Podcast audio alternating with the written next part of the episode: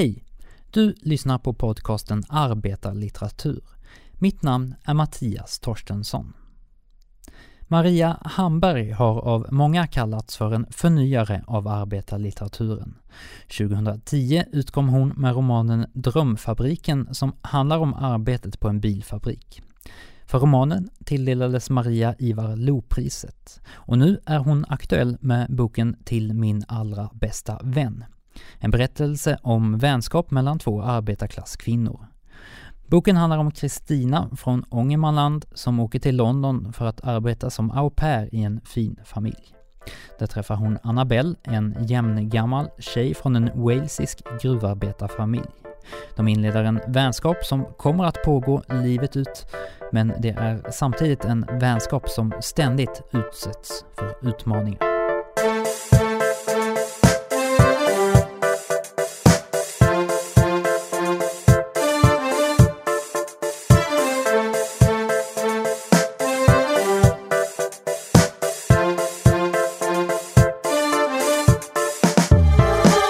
Maria Hamberg, hej och välkommen till podcasten. Ja, men tack ska du ha.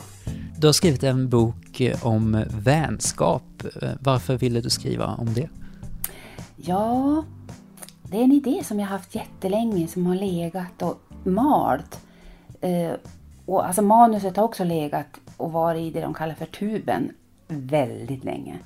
Men idén, ursprungligen idén om det här med vänskap, det kom när en gammal moster till mig jag tror att det var 2007.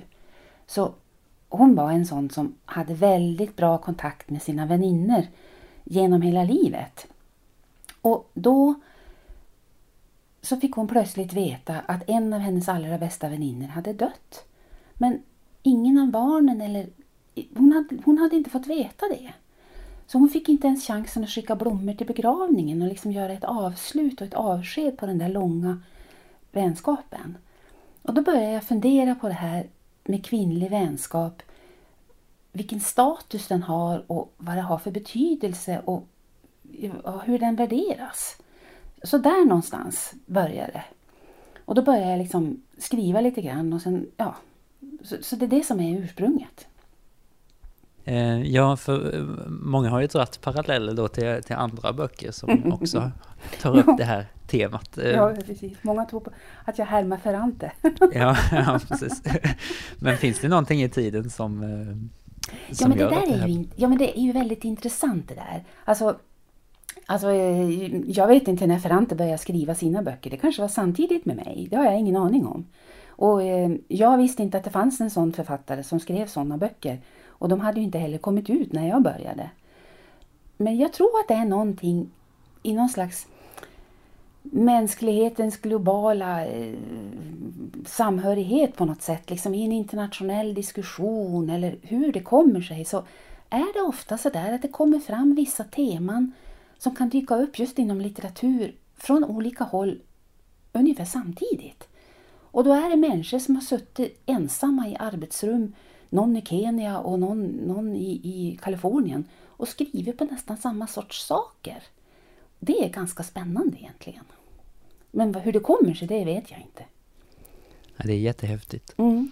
Eh, men, eh, och du har ju fått väldigt mycket bra recensioner på den här boken också. Eh, ja. Hur känns det? Eh, alltså det känns fenomenalt, fantastiskt, jättebra.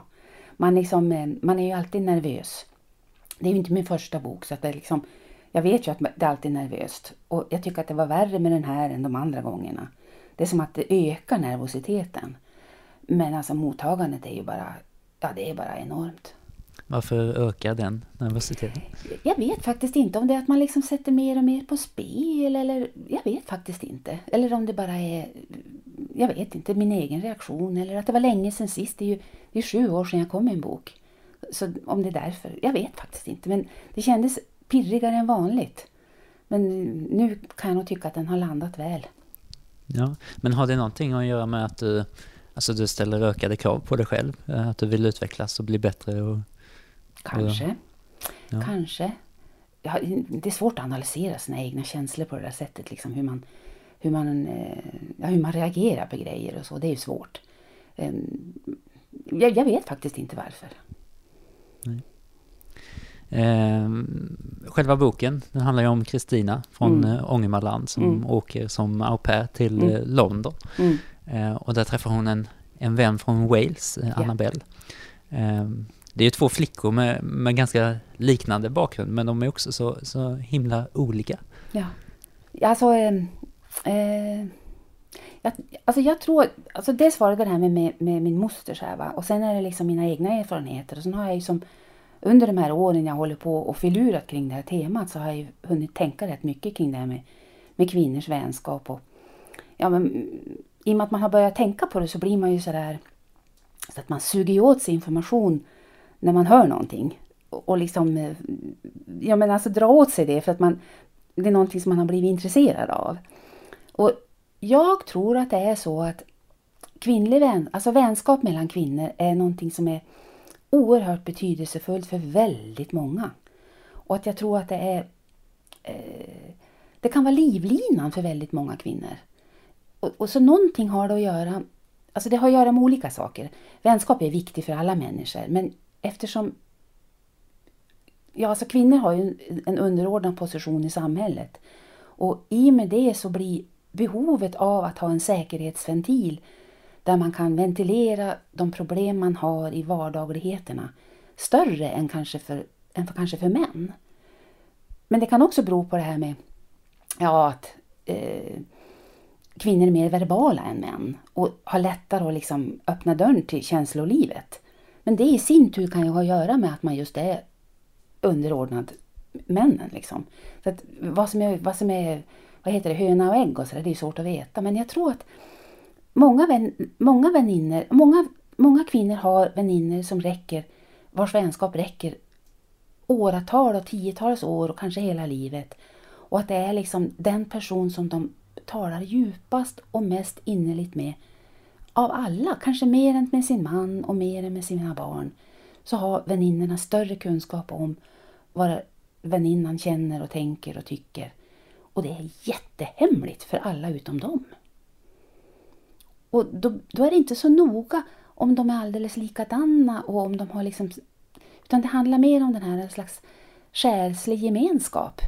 Och det bygger man upp och det bygger man upp ett förtroende.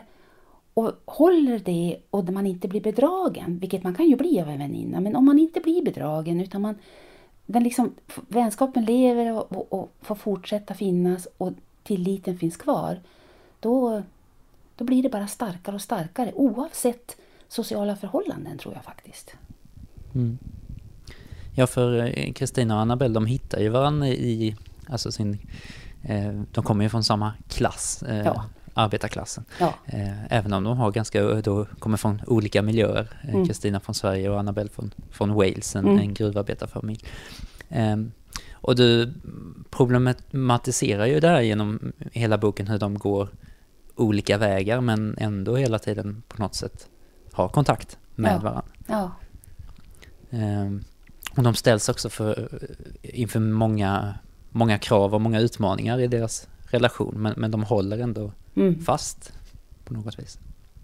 Alltså det, det är ju jättemånga utmaningar mellan dem och de är ju på ett sätt skulle man ju, vore det inte konstigt ifall de växte ifrån varann. Därför att deras liv tas ju helt olika vägar framåt. Men, men jag tror att det är just det där, den där eh, de där åren när man är liksom, ja men i 20-årsåldern någonstans, mellan 18 och 25 någonstans, som är oerhört viktiga för resten av livet.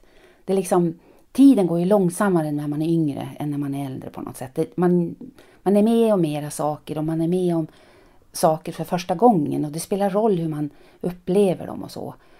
Och har man någon att dela det med då, de där viktiga första erfarenheterna kring ja, men, första förälskelsen eller första skilsmässan eller ja, men, den, den typen av stora saker, då, då, eh, då knyts det band som, som är väldigt, väldigt värdefulla.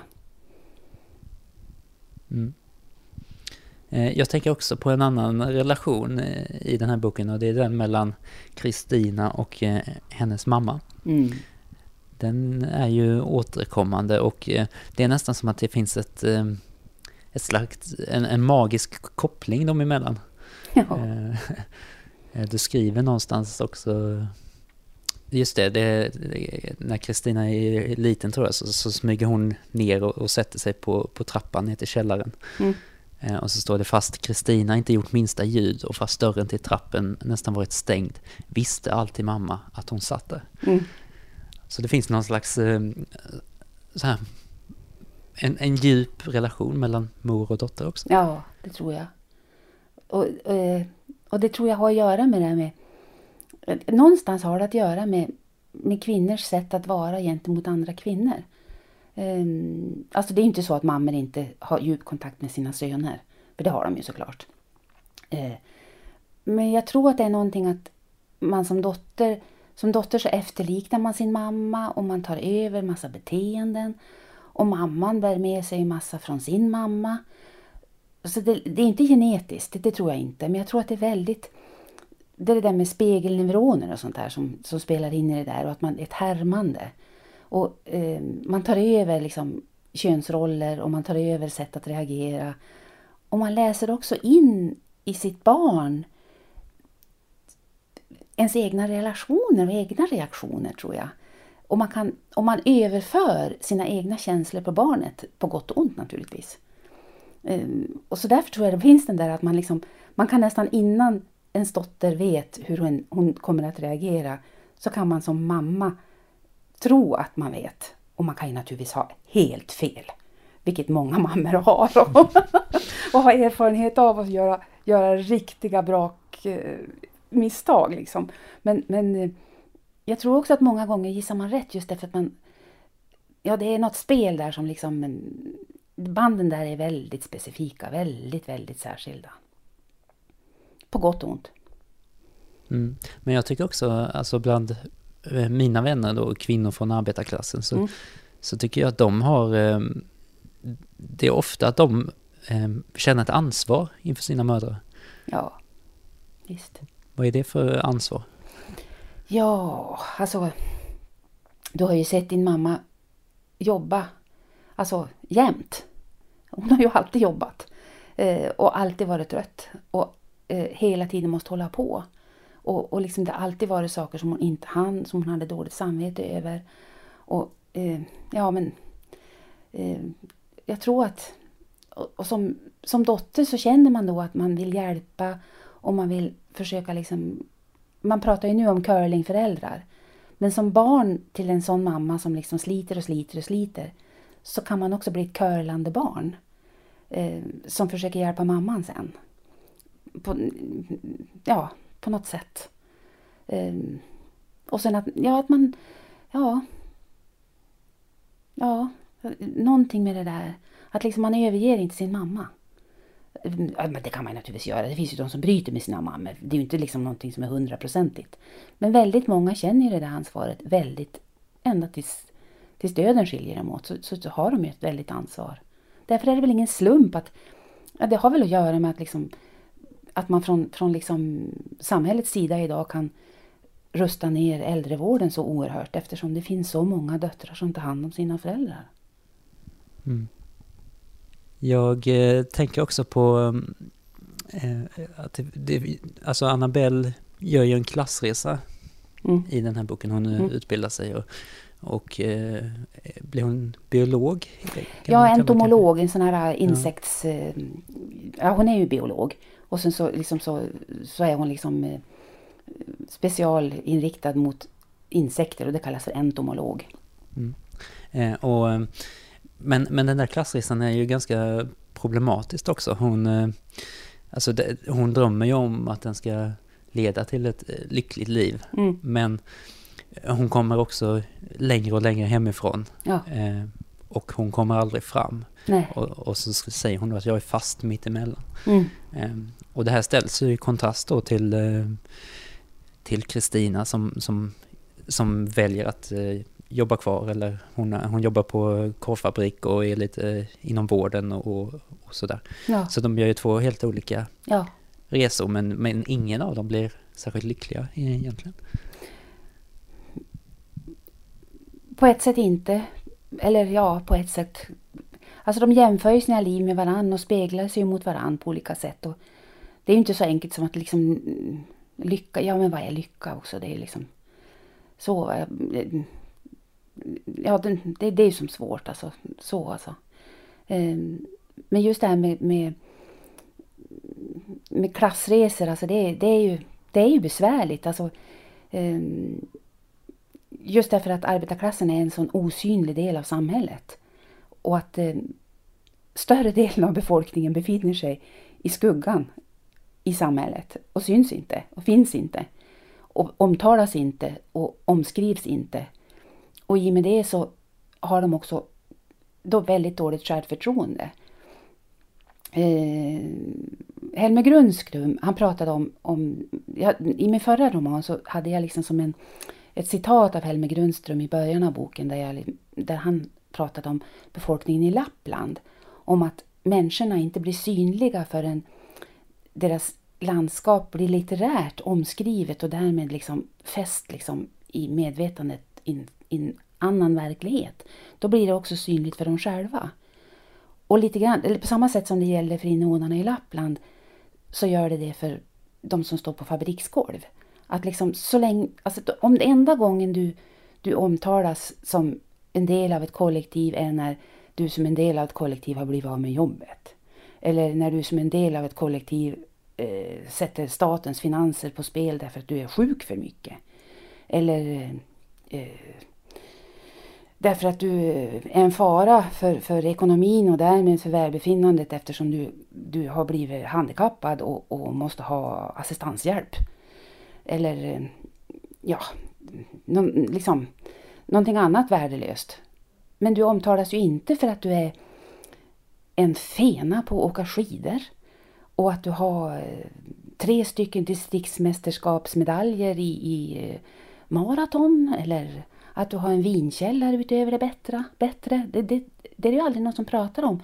Utan de flesta som befinner sig i klassen, arbetarklassen, de är ju som ansiktslösa individer som sedda av samhället snedstreck media, snedstreck eh, allmänna opinionen som eh, ansiktslösa individer utan personliga intressen eller karaktärer. Eh, och om man då reser eller byter identitet så att man liksom flyttar sig från den positionen i samhället där man liksom är rotad bland sina egna vet man ju alla andra vem man är.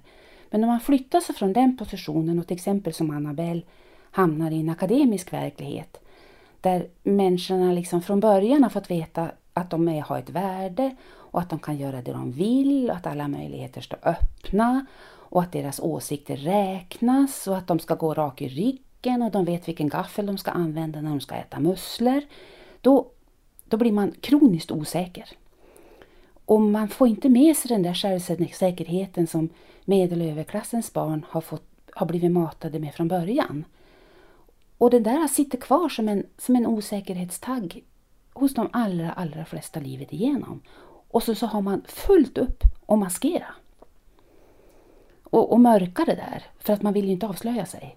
Och då hamnar man liksom vilse mm, mellan, liksom, mellan de olika lägren, för man känner sig inte heller längre hemma när man kommer hem och alla pratar samma prat och samma dåliga skämt som de gjorde för 30 år sedan. Och man känner sig inte heller hemma där de är lite fisförnäma och liksom rynkar på näsan ifall det är någon som kommer och liksom har, ja, ja men gör något fel eller faller ur ramen eller någonting. Så hela tiden är man osäker och då, det, det, ja, det är en ganska obehaglig position att ha. Och jag tror att det är väldigt, väldigt många människor som befinner sig där. Just därför att det är väldigt, väldigt många som har gjort klassresor och de, de har gått utbildningar och skaffat sig yrken och sådär. Och det blev inte riktigt som de tänkte sig. Jag tänker på det du sa om eh, eh att, att, det här, att människor som verkstadsarbetare eller jobbar på fabrik, de, de eh, skildras inte i medier och mm. offentlighet. Hur, mm. hur viktigt är ditt skrivande, eh, för du skildrar ju den här typen av människor, vad, vad betyder det tror du? Ja, alltså man kan ju inbilla sig att man, att man gör skillnad. Ehm, men, men ehm, för några enstaka få så gör det ju det. För de får ju då sin verklighet skildrad och det är ju trevligt och det är bra. Och då kan jag känna att då har jag gjort någonting. För dem i alla fall. Eh, och för mig själv så gör jag ju någonting i och med att jag talar om någonting som jag tycker är viktigt. Den här delen av, den här delen av världen finns också. Som, ja, men som den här bondefamiljen som är i Ångermanland till exempel. Det är, inte, det är ju inget särskilt omskrivet landskap i den svenska litteraturen. Eh, jag läste någonstans att det var någon som hade tyckt att det kunde lika gärna varit på 30-talet. Därför att det liksom, ja men det är en okänd del av världen. Hur, hur, hur liksom småbruk eller, ja men, ja men så. Um, och, men, men liksom, det är ungefär som det där vi pratade om i början, det här med att liksom, att det, det, plötsligt så kommer det böcker om kvinnlig vänskap. Och nu har det kommit ganska många böcker som behandlar det här och pratar om det här med klass och klassamhälle och klasstillhörighet och problemen det ställer till med och så. Ehm, så på det sättet så tror jag litteratur har en betydelse i ett allmänt samtal. Att det kan förändra, det kan förändra synen på saker. Men det är, inte, det är inte liksom tack vare bokstäver i en roman som världen förändras. Då krävs det mer av praktisk handling. Men jag tror ju att till exempel Ivar Los skrivande om statarlivet och statartillvaron hade en avgörande betydelse för att så småningom stat, alltså att stateriet upphävdes. Det tror jag ju. Men, men eh, det var ju politisk kamp som krävdes. Det räckte ju inte med romaner. Nej. Nej, och som du säger, alltså just den, den norrländska kvinnan är väldigt lite skildrad mm. i all form av kultur. Ja, visst. Visst. Sara Lidman har ju skrivit om några såklart. Eh, men, men, men visst, ja. Men hon är nästan den, en av få som jag kan komma på. Eh, det finns, ja. däremot, däremot finns många skildringar av, alltså, av män, alltså i form av eh, då ofta män som, som kör bil och, och dricker. Alltså i form av ja, de, bilar, de, ja, de schablonerna. Mm. Visst. Och det är verkligen klichéer och schabloner som, som klistras på norrländsk befolkning. Liksom att, man, att man super, slåss, svär och tjuvjagar älg. Typ. Mm. och det, det är ganska vulgär uppfattning om människor. Men hur, eh, alltså hur, kom, hur började du skriva? Att jag överhuvudtaget började skriva? Ja, precis. Ja, alltså egentligen så tror jag att jag är en muntlig berättare. Eh, hade jag varit född i ett annat århundrade hade jag nog varit en sån där som gick runt och levde på att prata hemma i folks kök. jag tycker jättemycket om att prata och träffa människor och, och liksom berätta historier. Och jag sparar ofta historier och kommer ihåg. Jag tror att det har att göra med att jag är närsynt och att mina föräldrar inte förstod att jag var det. Så det dröjde länge innan jag fick glasögon. Och för att liksom överleva och klara sig eh, när man ser för dåligt, då, då måste man liksom, då hittar man ju olika strategier. Eh, precis som en dyslektiker blir ju jättebra på att memorera. Så som närsynt så blir man väldigt bra på att lägga märke till detaljer som man ser på nära håll som går att urskilja på långt håll. Eh, som till exempel folks sätt att röra kroppen. Det kan man se på långt håll. Man kan inte se hur de ser ut i ansiktet, man ser inte vilken hårfärg de har. Eh, men man kan se ifall de haltar lätt på ena foten till exempel. Det kan man se. Så då känner man igen folk på sånt. Eller om de liksom slänger axeln på ett särskilt sätt.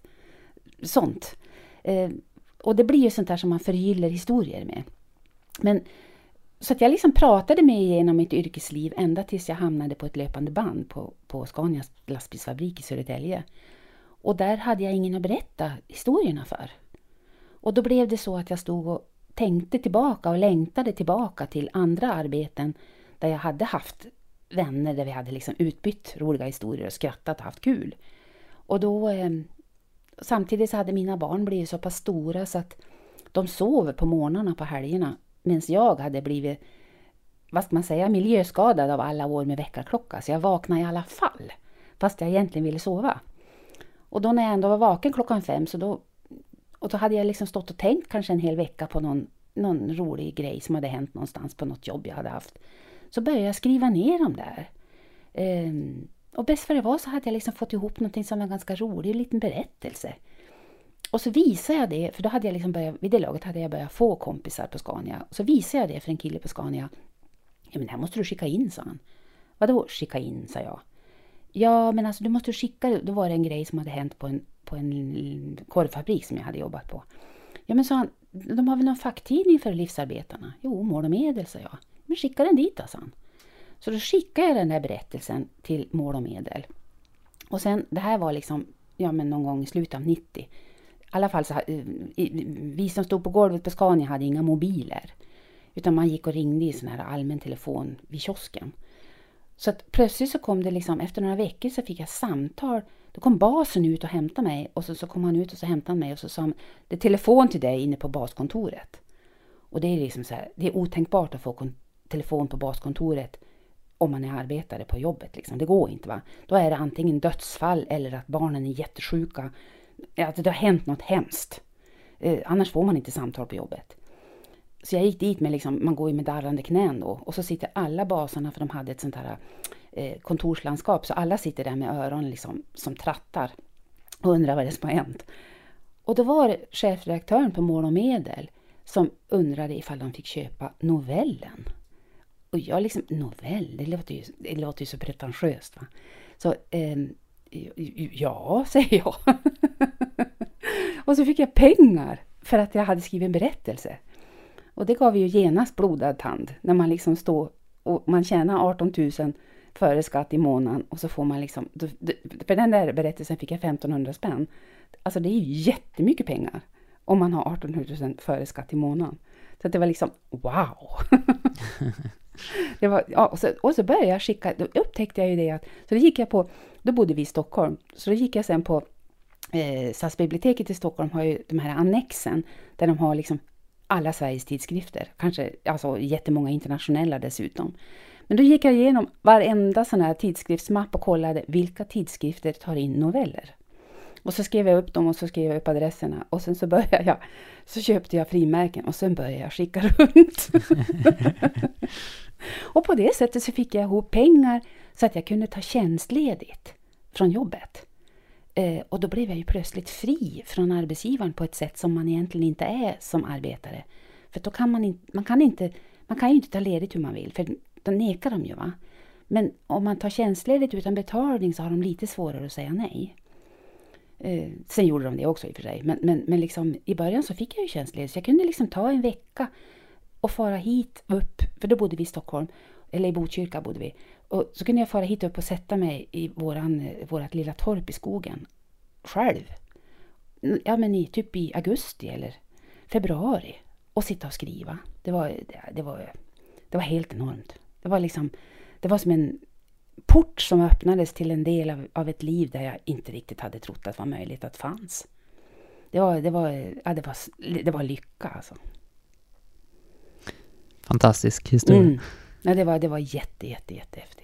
Eh, vad har du för relation till, till arbetarlitteraturen? När, när har du läst mycket och när upptäckte du den?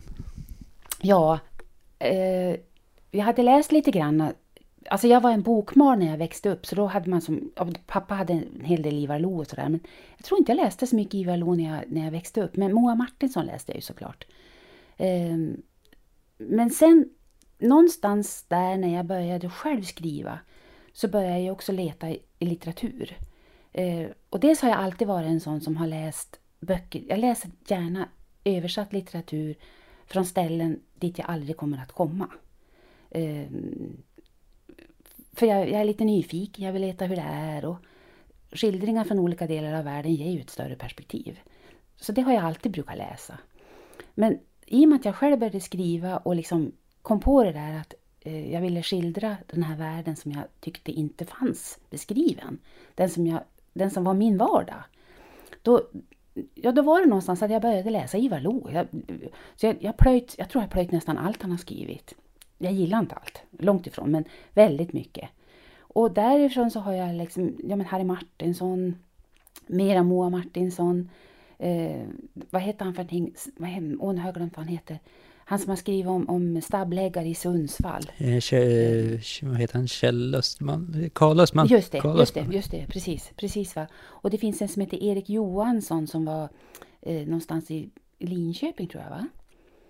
Livsmedelsarbetare fabriksarbetaren tror jag han heter någon. Alltså Erik Johansson hette han i alla fall. Fantastiska böcker.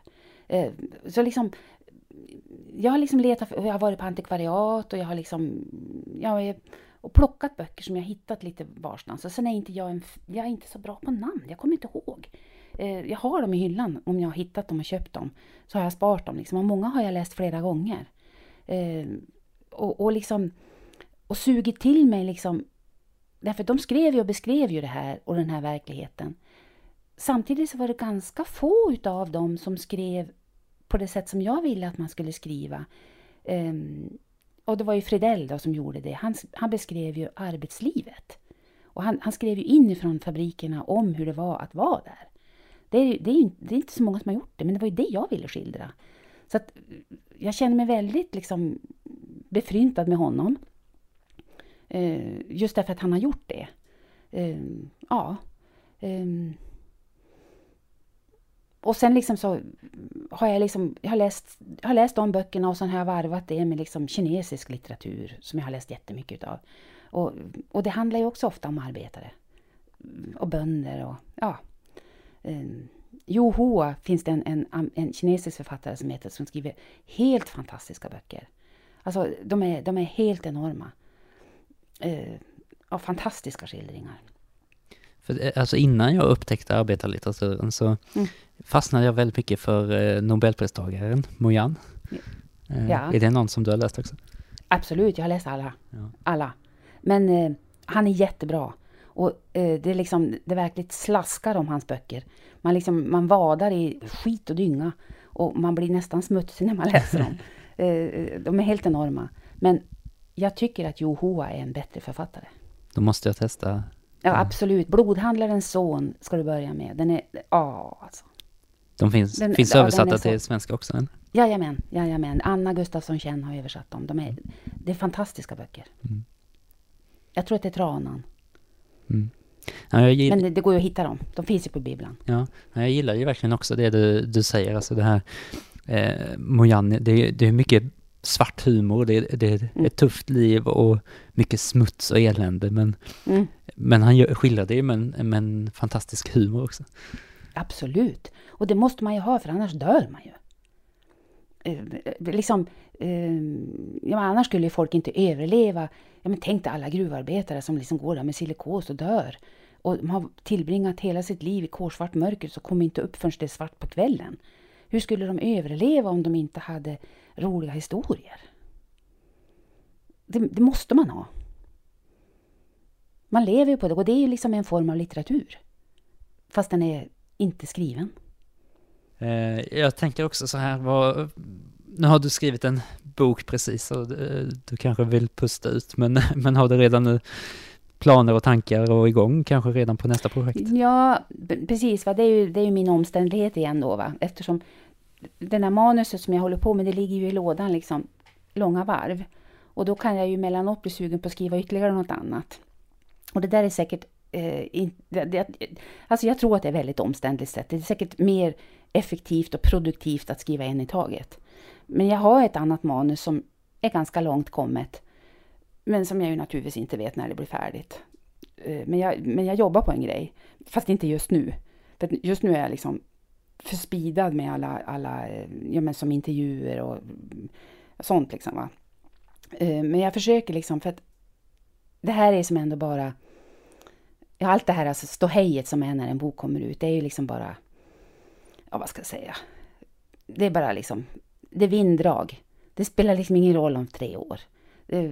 utan, men men det, det, väsentliga är på något sätt ändå att jag, att jag vill fortsätta skriva. Så på något sätt för att ta mig ur det här äh, hjärnspinnet som blir när liksom det blir mycket ståhej och så. Det bästa sättet att göra det på det är att jobba. Att liksom ta sig tillbaka till liksom den verklighet som jag verkligen vill ha när jag kallar att jag har rutiga dagar. Att det liksom, jag har två timmars arbetstid per dag, punkt. Och de vill jag ägna åt eh, mitt skrivande. Eh, och sen resten, liksom är, eftersom jag inte riktigt orkar så mycket, så liksom, resten är mycket transport. Men, men då mår jag som bäst. Då tycker jag att livet är bäst. Och just nu så är det bara rubbat. Eh, men men eh, jag har ett manus som jag håller på med, jo. Då ser vi fram emot att få läsa det så småningom. Då. Ja, jag hoppas det, att det blir någonting någon gång. Ja. Man kan aldrig lova. Nej, precis. Ja, tack för att du var med. Ja, tack snälla. Tack Maria. Nu är det så här att jag har fått äran att tävla ut några exemplar av Marias nya bok. Gå in på podcastens Facebook-sida och läs mer om hur du deltar. Du hittar Facebook-sidan antingen genom att söka efter arbetarlitteratur på Facebook eller genom att surfa in på adressen facebook.com arbetarlitteratur. Vi hörs i podden om en vecka, då med ett nytt författarsamtal. Så länge, ta hand om dig. Vi säger så.